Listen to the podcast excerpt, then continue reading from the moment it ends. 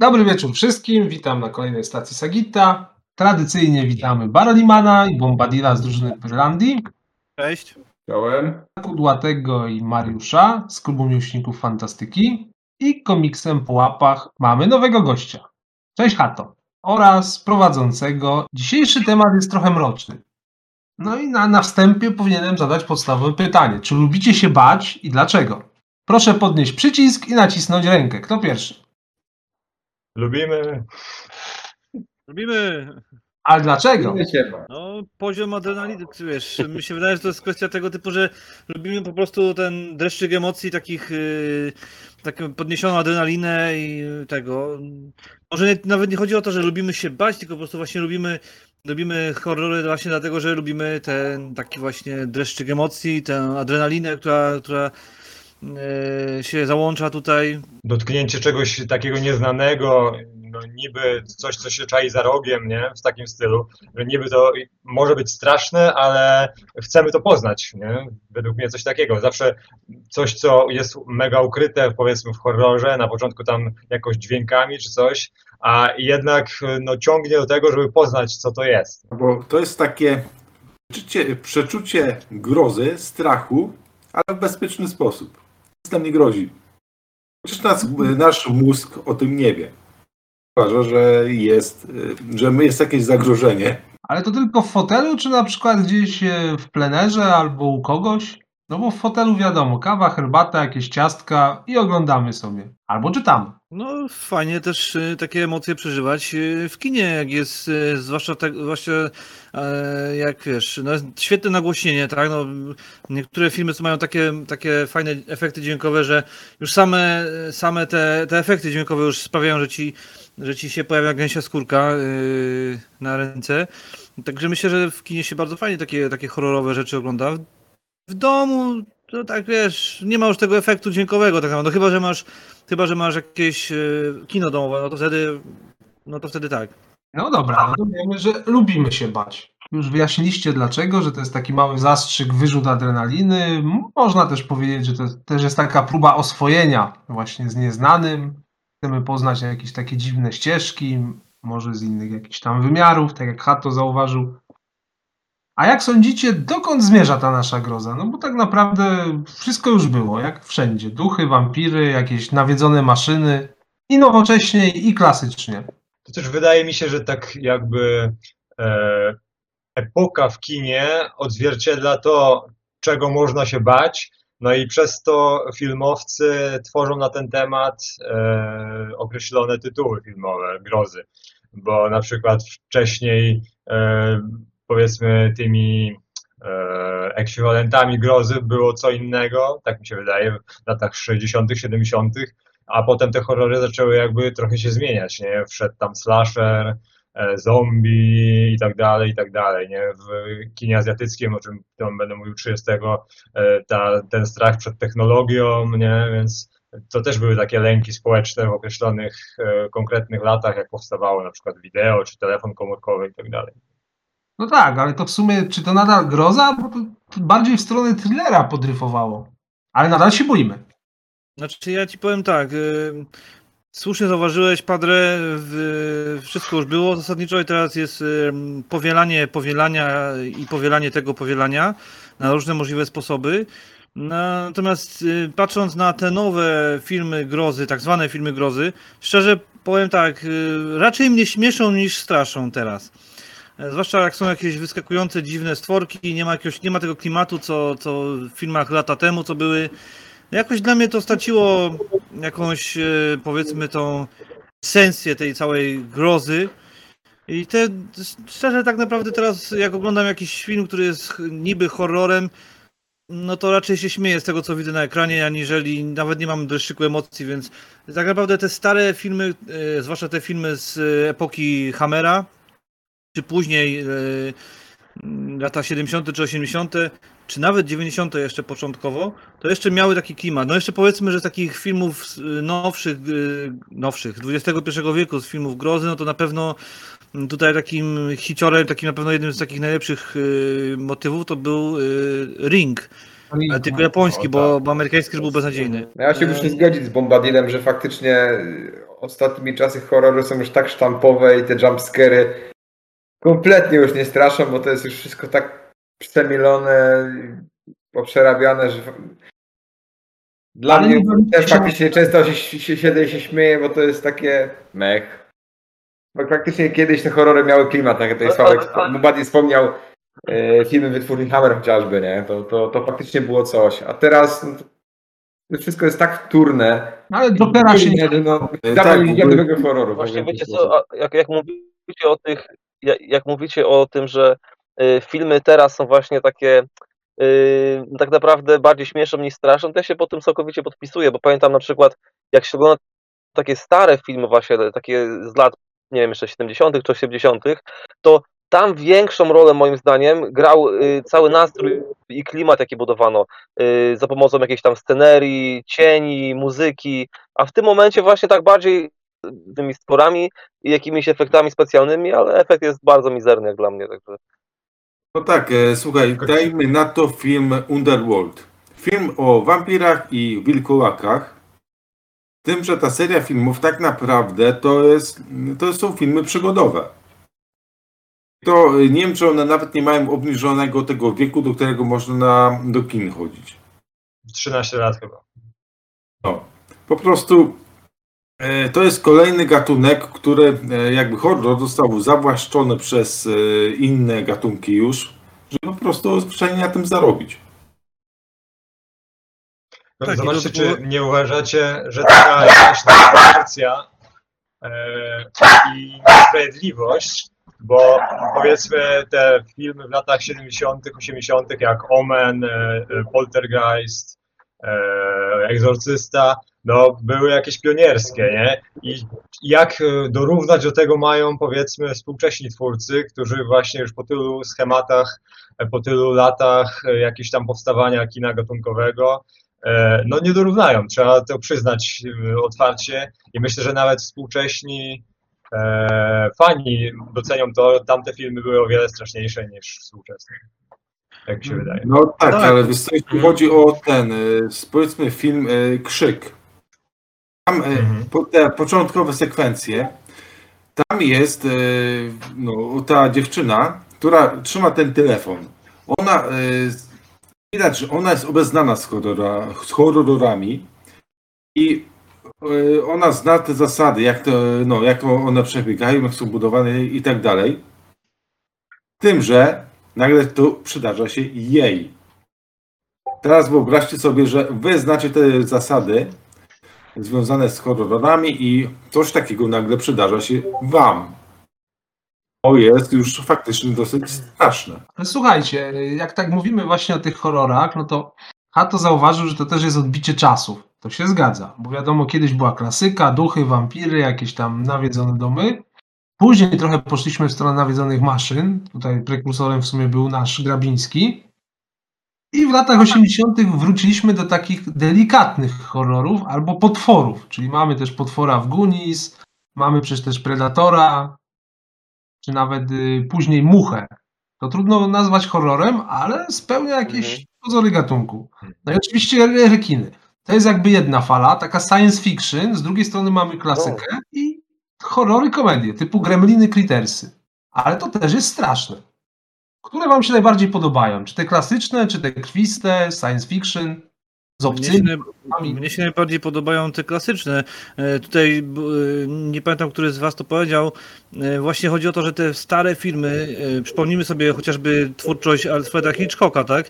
Tam tak naprawdę praktycznie nic się nie dzieje, ale sam te sekwencje, ujęcia i ta muzyka taka schizowa e, dają naprawdę niesamowity efekt, że człowiek się faktycznie boi. Egzorcysta, moim zdaniem film niedościgniony pod żadnym pozorem, tak samo Omen, e, miały niesamowity klimat, właśnie też dzięki takim efektom dźwiękowym, dzięki jakimś takim szybkim ujęciom, jakimś takim dziwnym e, tym, e, muzyka i tak dalej, i tak dalej. To wszystko jakoś tworzyło niesamowitą aurę, nie- niesamowitą grozę, właśnie, właśnie tytułową grozę, o której mówimy tutaj, tak? To wszystko, tych, było kilka elementów, które było zebranych, które tworzyło tą grozę wokół tego filmu, gdzie się faktycznie skóra jeżyła i włos się jeżył i w ogóle. Natomiast y, Dzisiaj mam wrażenie, że to wszystko spowszechniało jakoś, że tego jest po prostu bardzo dużo. Każdy na milion sposobów chce przedstawić jakieś, jakieś horrory.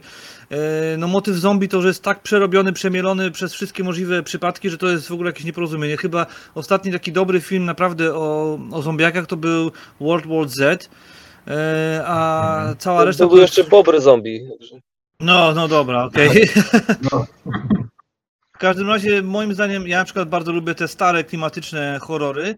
Jeszcze w latach 80. były takie, takie fajne motywy, jak chociażby e, mm, jak chociażby e, no ulica Wiązów, tak? Koszmar z ulicy Wiązów. To jest klasyka, Tak, jak tak. najbardziej. A to, co jest dzisiaj, to, to dla mnie to, to nie są horrory, to są dla mnie już jakieś tam popłuczyny i w ogóle mm, jakieś takie mieszanka, jakaś dziwna, dziwnych różnych tworów, co nie ma w ogóle dla mnie, w ogóle nie powinno się nazywać horrorem. Może Tak, y, tak jest, tak jest w ogóle często. W ogóle y, nie wiem, czy znacie taki film Donnie Darko. To jest w ogóle taka mieszanka no, i fantastyka, i obyczajówka. I w którymś momencie pojawia się ten creepy królik, którym, no nie wiem jak wam, ale mi się autentycznie na jego widok jeżyły włosy. I nie wiem, to też był jakby taki element horroru, nie, e, pewien, pewna nie wiadomo, nie wiadomo, nie wiadomo było jak, o co w tym chodzi. Skończyło, znaczy nie, nie będę spoilerował, ale Ja nie kojarzę, szczerze powiedziawszy. no to jest, to jest kino niezależne. no- Doni Darko, taki film, zaraz podeślę na czacie. Okej. Y, No ten film już ma parę lat, ale moim zdaniem film jest świetny.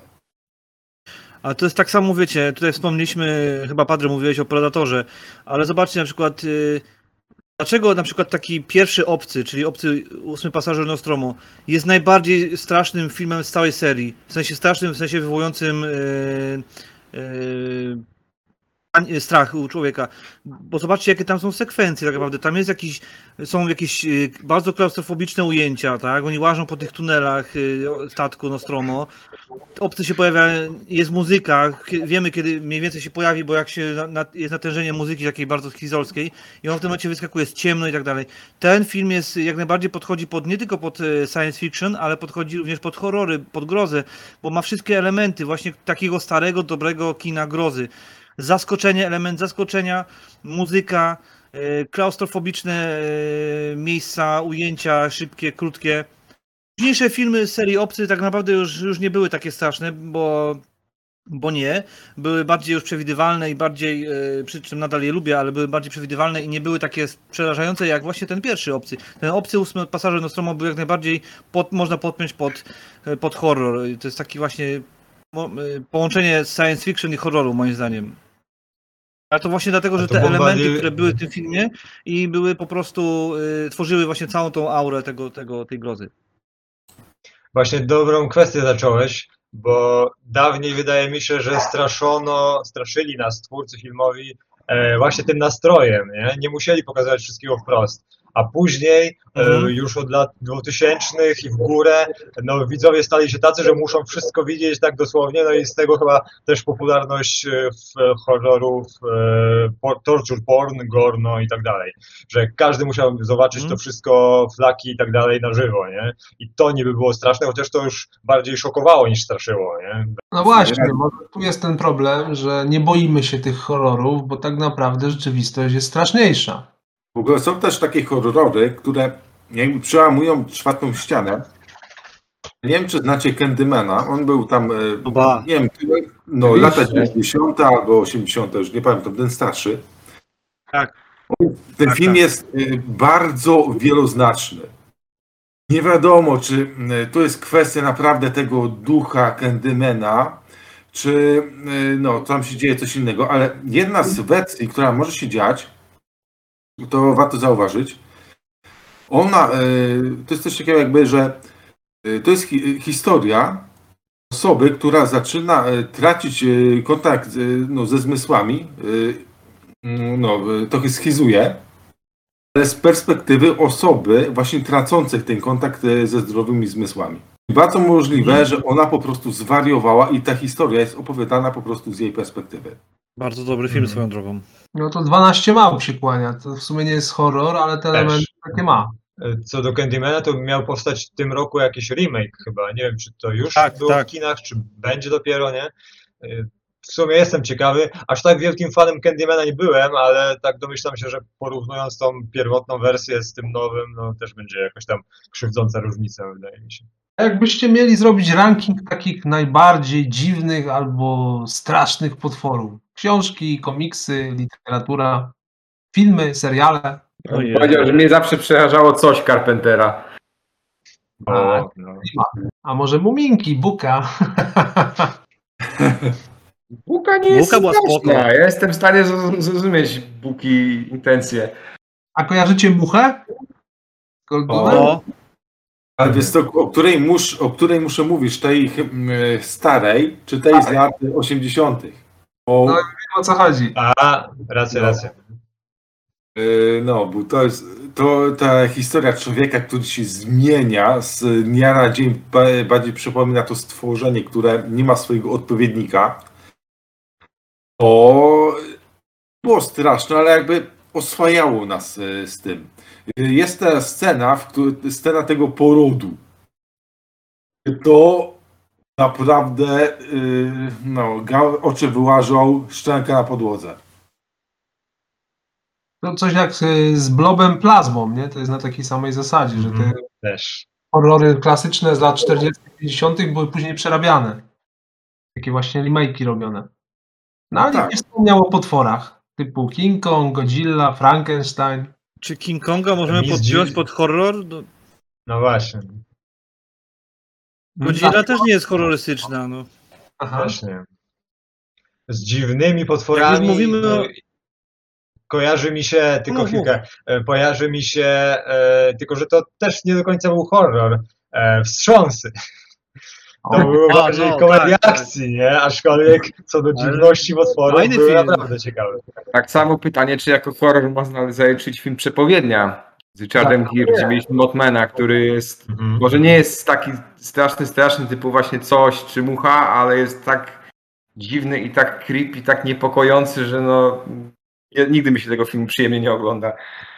Ja No, powiedział, że. No właściwie jeśli chodzi o e, tego Mothmana, to jest e, postać e, pochodząca z folkloru, folkloru amerykańskiego. Amerykanie właściwie mają do tej postaci stosunek pozytywny. Ten Mothman pojawia się zawsze przed tym, jak ma się stać jakaś tragedia, czyli on ostrzega. Więc Tak. o, no, oni mają do niego stosunek pozytywny.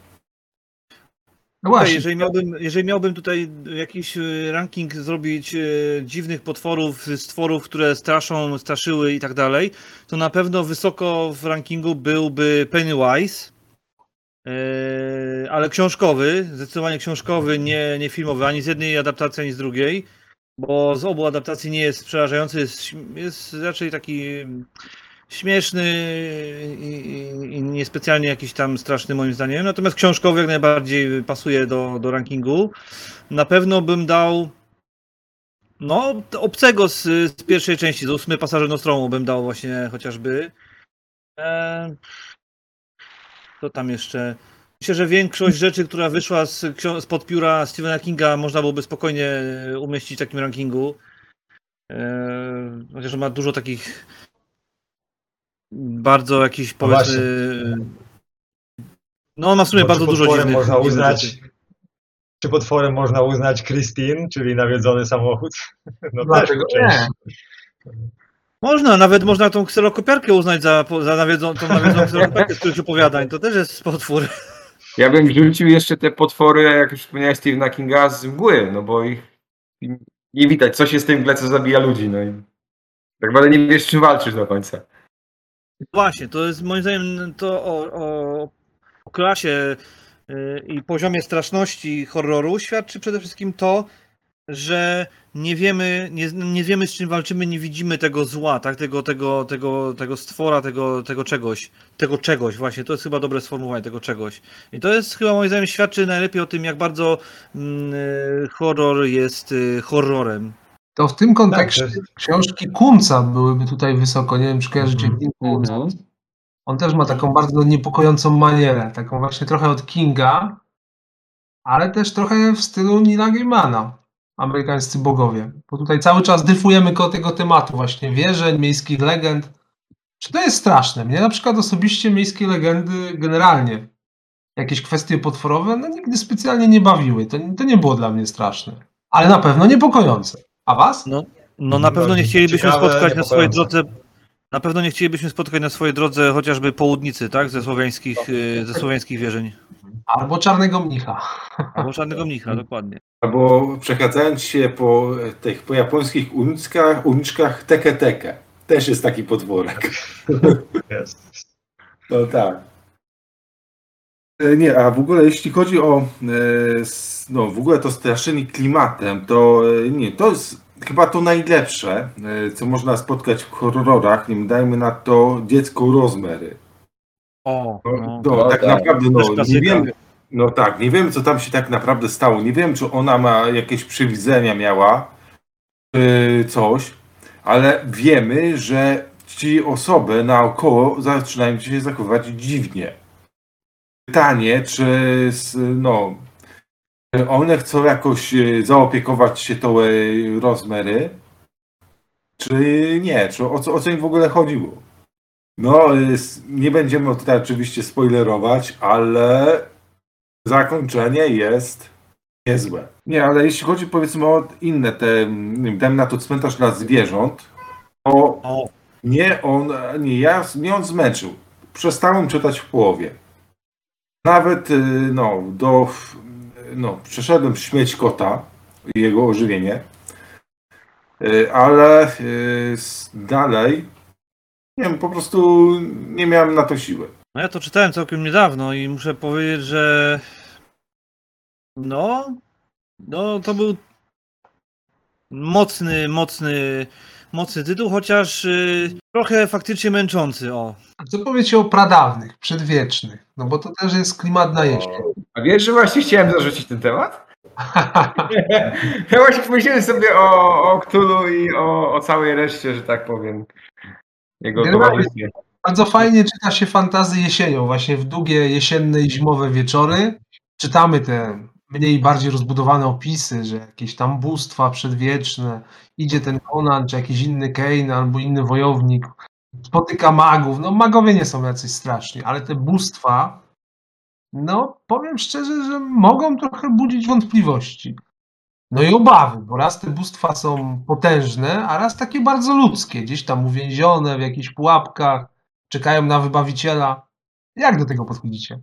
Znaczy ja powiem tak, jeżeli chodzi o, o motyw Cthulhu i książki Lovecrafta, y, mnie osobiście mm, jego opowiadania nudziły, ale, y, ale sama mitologia, sama te, ta otoczka, te właśnie ci przedwieczni, sam ten motyw Cthulhu mnie bardzo zaciekawił. To było naprawdę mega dobrze opisane i zrobione. Ale w sumie muszę mu przyznać y, jedną rzecz, że jak czytałem jakiś cykl opowiadań i było jedno takie opowiadanie, które faktycznie, no, może nie wstrząsnęło, ale no, wywołało, że mi się kłaki zjeżyły na skórze.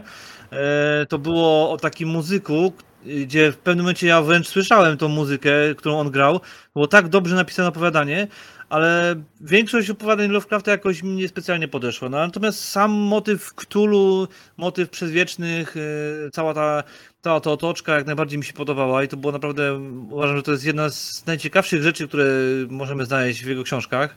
Powiedziałbym, że Lovecraft jest wręcz takim geniuszem e, tworzenia tego nastroju, tego nieznanego, tak bardzo odległego od po, pojęcia zdrowego umysłu, powiedzmy, że po prostu e, no, wręcz sama ta tajemnica, nie, w ogóle czym jest to, czym są ci przewieźni i tak dalej, już to jest takie jakby groźne, niepokojące, chociaż faktycznie, tak jak mówiliście, że e, trzeba się przedrzeć lub zaakceptować całe te mm, jakby skomplikowane, e, złożone opisy tego wszystkiego, nawarstwiające się i jak to dopiero zaakceptujemy, to wtedy tą grozę jakby tak dotykamy, nie? A tak wcześniej faktycznie nieraz, nieraz się zdarzało, że też mnie niektóre tam trochę e, nudziły, nie? W trakcie. W ogóle jeśli chodzi o e, kwestię Lovecrafta, to on ma, świetnie buduje klimat. To jest naprawdę e, nie, to jest naprawdę u niego genialne, że on e, no, no niekoniecznie musi uderzyć od razu tym potworem. W tym kolorze in, z innego wszechświata o, uderzył meteoryt, no, zaczął wysysać ten życie z okolicy, ale tak naprawdę to my nie wiemy, co, to, co tam się dzieje. Że to nawet nie chodzi o ten meteoryt. Tutaj zadałem wcześniej pytanie odnośnie erotyki i porno horrorze, no bo to też jest jakaś część, można powiedzieć, klasyki. Na początku była erotyka, później też wchodziły sceny bardziej w stronę porno. No i tutaj dotykamy twórczości Clive'a Barkera, Grahama Mastertona, Gaia. Smitha, czyli taka klasa B, C literackich horrorów. W zasadzie nawet niektóre super premium, nawet bym to uznał za takie ekwiwalenty filmów z rekinami. Nikomu nie mówiąc oczywiście. No i tamte opisy były takie dosyć e, mocne, nawet bym wręcz powiedział, że ostro jechało różnymi fetyszami. Jak się na to zapatrujecie? No bo wiadomo, flaki, krew, groza, klimat bardzo szybko sprowadzony do parteru, a jednocześnie ta erotyka, która bardzo często czytając budziła na przykład we mnie wstręt. Bierzecie to, czy nie bardzo? Bo ja tak... Clive'a Barkera, no to pierwszy co mi się kojarzy to oryginalny pierwszy Hellraiser, Aha. który był no... Pamiętam jak pierwszy raz go widziałem mając nie wiem, gdzieś chyba około 15 lat, no to zrobiło to na mnie koszmarne wrażenie, w sensie takim, że no było to bardzo nieprzyjemne do oglądania, no bo tematyka filmu jest hmm, dosyć specyficzna bym powiedział jak na horror. Znaczy ja myślę, że to jest takie, takie w tych, zwłaszcza w tych nowszych produkcjach, to jest takie na siłę pompowanie tam, wiecie, mieszanie takich wątków. E, dobry film, dobrze zrobiony film, dobry horror nie potrzebuje tak naprawdę takich uzupełniaczy, tak? No, ja osobiście uważam, że no, wiecie, no, kwestie porno niech będą w filmach y, o tej specyfice, a w horrorach niech będzie ten klimat horroru. A nie jakiś tam gore, czy jakieś tam jeszcze inne tam slashery, bo to, to są jakieś takie rzeczy, które mnie na przykład no nie wciągają, bardziej bym powiedział, że no mówię, no śmieszą mnie, slashery mnie śmieszą, tak, w większości. Ale Bombadil y, powstał na przykład cały gatunek tak zwany rape and revenge, nie? gdzie tam e, no głównie bohaterka najpierw e, była ofiarą, e, a potem po tym piekle, jakie przeżyła, mściła się na swoich oprawcach. Nie? To na przykład e, I Spit on Your Grave, czy Ostatni dom po lewej. Tutaj No Ostatni tak. dom po lewej, e, stara wersja Wes'a Cravena była powiedzmy szokująca jak na tamte czasy, aczkolwiek powstał remake i tu mnie ciekawiło, jak bardzo dosadnie pokażą te sceny, e, no, gdzie główna bohaterka tam była, tak, że tak powiem, ciężko potraktowana. I No. byłem w szoku, że we współczesnym filmie pokazali aż tak mocne sceny, nie? No Więc tak. Tutaj naprawdę trochę, e, powiedzmy w cudzysłowie, szacun dla twórców, że mieli odwagę to pokazać. No chociaż wiadomo, nie, że gatunek e, no, niewielu przypada do gustu. No No tak ale w sumie, ale w sumie ten ostatni dom po lewej to tak naprawdę to jest bardziej, bardziej thriller aniżeli horror, nie? Tak no naprawdę. raczej tak, raczej tak. Tutaj w tym kontekście mnie ta cała włoska scena filmowa z lat 60., 70., ta mocno naturalistyczna, no i filmy typu Elza Wilczyta ZZ, nie? Ale to już No, no. jest odpowiadanie na specyficzne potrzeby, więc też niekoniecznie to jest horror, a bardziej no film w stylu już erotyki, czy, czy nawet porno, no bo wiadomo, że No tak. potrzeby, nie? Tam horror jest tylko jakby elementem i to takim niekoniecznie ważnym. Ja też tej, tej specyfiki, tej maniery raczej nie łapę, chociaż na przykład z takiego kina klasy BC wspominałem o Gremlinach i Crittersach, to akurat bardzo lubię, bo to jest taka trochę parodia. No tak, no to, No, to są bardziej, komediowe. To jest bardziej Nie, komediowe lubię. straszne tak naprawdę. Ja lubię oczywiście Gremliny i Crittersów, ale to takie bardziej żartobliwe bym powiedział. Które lepsze, Gremliny czy Crittersy? Gremliny. Gremliny. Niny. A dlaczego? To są gremliny i dlatego. Gremliny są takie dosyć e, pocieszne, bo Crittersy to od początku do końca są po prostu złośliwe. Tutaj nie ma o czym w ogóle gadać. No tak. Gremliny to tak jak Dr. Jekyll i Mr. Hyde. Tutaj e, przed spotkaniem wrzuciłem wam linka do jednego z odcinków Legends of Tomorrow, taki serial na podstawie DC. I tam jest walka Bibo, wielkiego niebieskiego pluszaka. Tak, oglądałem to. Z lepszych scen w historii kina. E, tak, i pamiętasz, co ci tam odpisałem? Tak. I z połączenia tych, em, tych mocy powstaje Kapitan Planeta.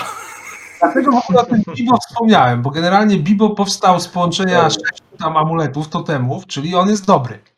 Ale w piątym sezonie Legends of Tomorrow pojawia się Bibo przywołany przez kogoś i ten Bibo jest zły, dlatego właśnie w tym kontekście fajnie byłoby o nim wspomnieć. No bo kwestia wykorzystania pluszaka, czegoś, co się jednoznacznie kojarzy z czymś przyjemnym, miłym dla dzieciaków, odwrócenie tego, no powiem szczerze, że szacunek dla twórców, reżyserów tego serialu. No To tak To- to- czaki, nie? Gdzie mieliśmy O, laleczkę, która okazuje być opętana przez duszę seryjnego mordercy. No, Właśnie. Albo pia- piankowy marynarzyk z pogromców duchów. O, tak. Czyli takie trochę szarganie świętości, tak to można Mm, nazwać. Tak. Ale właśnie Baliman dobrze, żeś przypomniał y, laleczkę Czaki. No właśnie, to w y, tym moim rankingu tych takich naprawdę przerażających postaci, to zdecydowanie laleczka Czaki też byłaby wysoko, tak samo jak Freddy Krueger z Koszmaru No, z ulicy tak. Wiązów. No i w jakim stopniu oczywiście y, Jason z y, Piątku 13 też gdzieś tam byłby wysoko z tych takich naprawdę starych, starych, klasycznych filmów, ale naj, najwyżej prawdopodobnie byłoby właśnie byłaby właśnie e, ta mm, dziewczynka z egzorcysty opętana i Omen. O, tak. Zdecydowanie. Damien. Damien, tak jest, o właśnie. A Nikt nie wspomniał o Drakuli, którego grywał Christopher Lee wiele razy. A, no właśnie, oczywiście. No. Dracula. Albo o Mumii w jego wykonaniu. Właśnie. Też się zdarzyło. No to te, te klasyki właśnie Studio Hammer. Dobra, a co oprócz klasycznych wątków? No bo już wspominaliśmy i nowoczesne rzeczy, nawiedzone różne maszyny, ale klasykę. Zombie, duchy, wampiry, komputery nawet nawiedzone były, też bywały. Co oprócz tego może nam kino albo literatura zaoferować, żebyśmy się trochę pobali? I wierzeń, bo były też wierzenia. Różni bogowie, bóstwa, demony, strzygi. Czy coś jeszcze kino może nam zaoferować z literaturą? Jakieś sekty. Jakieś rytuały jeszcze przez, robione przez te sekty. Mhm. Ale czy to jest Szpitale tak? No bo satanizm był często tak dosyć e, eksploatowany w filmach. Na różną modłę. Ja myślę, że teraz będą mieli bardzo ciężko, żeby cokolwiek e, zrobić, cokolwiek, co byłoby straszne. Jeżeli nie wykorzystają mo motywów takich właśnie folklorowych, e, typu właśnie południca, czy, czy strzyga i tak dalej, to myślę, że za dużo, za dużo opcji nie mają, no bo wszystko już było, tak żeśmy to powiedzieli. Więc raczej musieliby sięgnąć faktycznie po te ludowe wierzenia. Tam są naprawdę postaci e, bardzo przerażające, bardzo straszne w różnych kulturach. Więc myślę, że to jest taka opcja, gdzie faktycznie można byłoby tam zajrzeć i pogrzebać i spróbować jakoś to pokazać. Ale najlepiej jakby to pokazali właśnie w takim starym stylu, takie właśnie, że wiecie, e, nic tam nie wyskakuje tak od razu, nie ma tego, nie wiemy z, z czym mamy do czynienia, że jest, no, ja bym chciał, żeby horrory wróciły do takiej właśnie do takiego stylu i formatu, jak było właśnie kiedyś, że była jakaś taka przerażająca muzyka, jakieś takie sekwencje bardzo, bardzo szybkie, takie e, wywołujące naprawdę panikę. No i tam powiedzmy, że nawet jak się pojawiła już ta, ta postać, no to w, w ostateczności, no ale to mm, nie było to jakieś, wiecie, takie oczywiste, nie? To musi być coś, co takie jest właśnie nieznane, coś, co jest po prostu ciężko do opisania, coś, co nie widzimy najczęściej. na- No, najlepiej się moim zdaniem sprawdza taki motyw, coś, czego nie widzimy, nie? Ym, Natomiast obawiam się, że niestety horrory pójdą w, w, dalej w tą samą drogę, której, której tkwią aktualnie, czyli będą taką papką, e, gdzie będzie pełno chodzących zombiaków, jakieś e, wampiry, nie wampiry, nie, które wcale nie są straszne, jakieś tego. No, obawiam się, że, że w tę stronę pójdzie, pójdzie groza niestety. To tutaj zapytam, y, widzieliście film Midsommar w Biały Dzień? E, Ja go oglądałem dosyć niedawno mm, i właśnie tam jakby twórcy odwrócili całe mm, sposoby straszenia, bo faktycznie cała akcja dzieje się w piękny, słoneczny dzień e, i pokazuje też nam to, co faktycznie bardzo nieznane, bo piątka studentów bodajże z USA albo z Wielkiej Brytanii wybiera się na głęboką szwedzką prowincję, żeby zbadać e, tamtejszą kulturę. Tam dwóch e, studentów pisze na to pracę doktorską e, i poznaje tubylców, no, którzy trzeba przyznać mają bardzo dziwne e, zwyczaje. Znaczy dla nich normalne, to dla obcych dziwne. E, no i potem robi się, czym dalej końca filmu, tym robi się naprawdę bardzo niepokojące. Ale, ale kojarzę taki film Łowca Troli, ale no, mówimy, ja mówię tutaj O, o, o norweskiej wersji i norweska wersja była super, Moim zdaniem to jest jeden z takich naprawdę ostatnich, naprawdę dobrych, mocnych, fajnych, trzymających napięciu horrorów. E, No i przede wszystkim fajny klimat e, oryginalny dosyć, no bo e, właśnie tutaj Norwegowie wykorzystali swój folklor, czyli właśnie trole z ich, z ich legend, z ich baśni. Świetnie to zostało zmontowane i wygląda to jak, wiecie, naprawdę nagrywane kamerą VHS. Grupa studentów właśnie pracuje gdzieś tam, robi jakiś tam reportaż w Norwegii i chcą dowiadują się, że jest jakiś, jakiś dziwny łowca niedźwiedzi, który zabija niedźwiedzie, tak? Jakiś tam y, może nie tyle myśliwy, co bardziej jakiś y, pusownik, tak jak go nazywają w tym filmie. Okazuje się, że gościu pracuje dla rządu i jest y, łowcą troli, nie?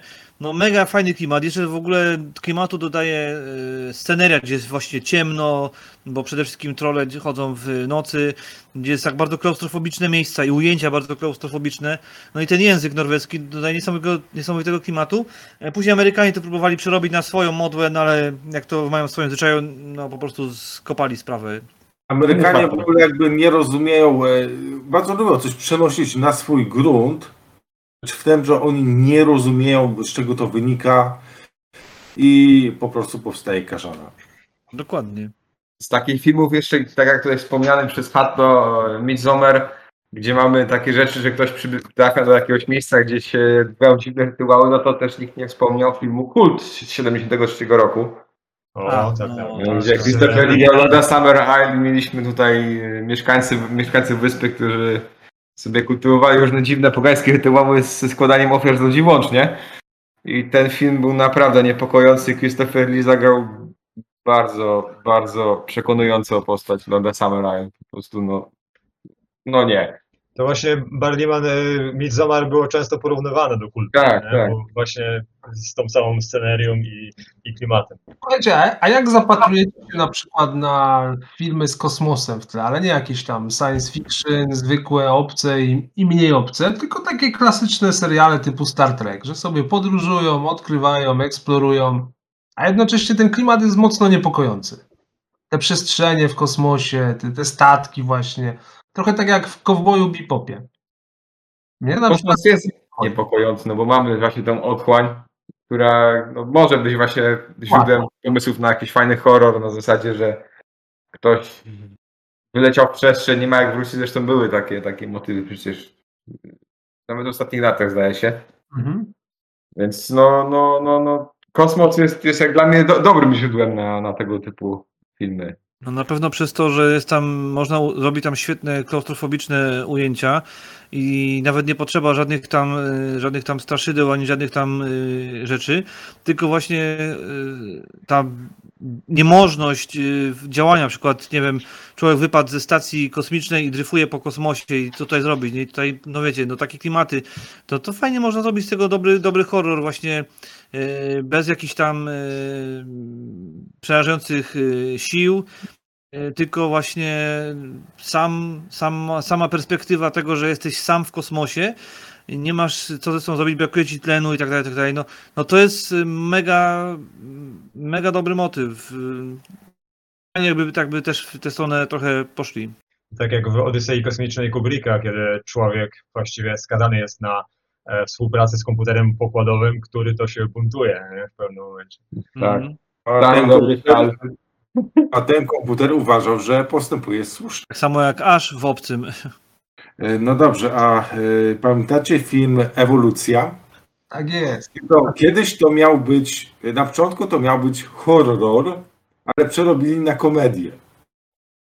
I no, to się, to się chyba nie sprzedało, ale pomysł był moim zdaniem zacny. Te, ewolu, te ewoluujące e, stworzenia, które co chwila są e, no, skuteczniejszymi łowcami i tak dalej. To mógłby być naprawdę niezły horror. No, w sumie Park Jurajski też, jakby patrzeć z tej strony. No w sumie tak. Ten pierwszy na pewno miał znamiona horroru, jak najbardziej. Ludzie się bali dinozaura, który w pewnym momencie zaczął im dorównywać intelektualnie, tak to można określić.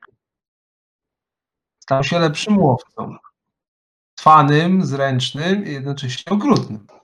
Zwłaszcza, że tam też mamy takie właśnie fajne ujęcia, takie sekwencje, które naprawdę mogą wzbudzać e, grozę.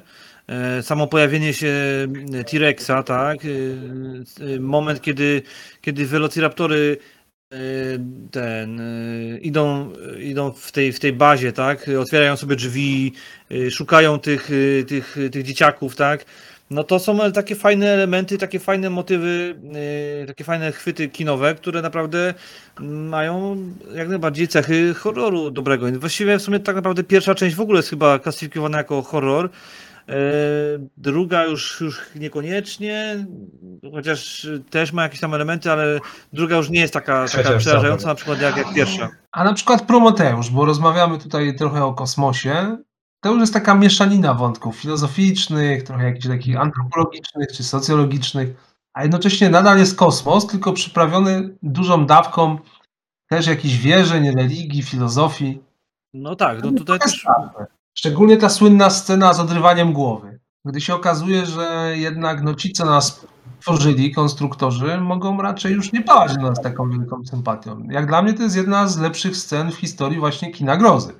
No, zdecydowanie science tak. Znaczy w ogóle wiecie, Prometeusz został przez wielu został bardzo, bardzo objechany. Ja uważam, że to jest absolutnie arcydzieło, jeżeli chodzi o, o y, twórczość Ridleya Scotta. Świetny, metafizyczny, bardzo filozoficzny film, y, z, y, nawiązujący właściwie do tej klasyki. Właśnie można powiedzieć, że to jest taki krok wstecz do tego, co Ridley Scott zrobił, robił wcześniej, prawda? To, to, co znamy właśnie pod pojęciem kina grozy z lat 70. czy początku lat 80. No tutaj no, ch- chylę czoła przed mistrzem, no bo mistrz jak najbardziej zrobił bardzo dobry film. I uważam, że e, aspekt właśnie, tak jak mówisz tutaj, antropologiczny, filozoficzny, e, tutaj świetnie się miesza z, z tymi elementami grozy, które w tym filmie jak najbardziej są. Więc moim zdaniem zdecydowanie masz tutaj rację, jak najbardziej. Jednak nie jest tak źle z tą grozą, bo jak tak tutaj sobie przeleciliśmy w zasadzie przez różne epoki, różne dzieła, czy nawet gatunki, to się okazuje, że jeszcze da się nas trochę postraszyć. Tylko najważniejszy jest właśnie klimat, ale też charyzma aktorów, bo tutaj nie wspomnieliśmy jeszcze o tym, że ważna tak. jest charyzma aktorów. No to jest bardzo ważny element, O, zdecydowanie jest, tak. tak. Efekty, ogóle, ale aktorzy ważniejsi.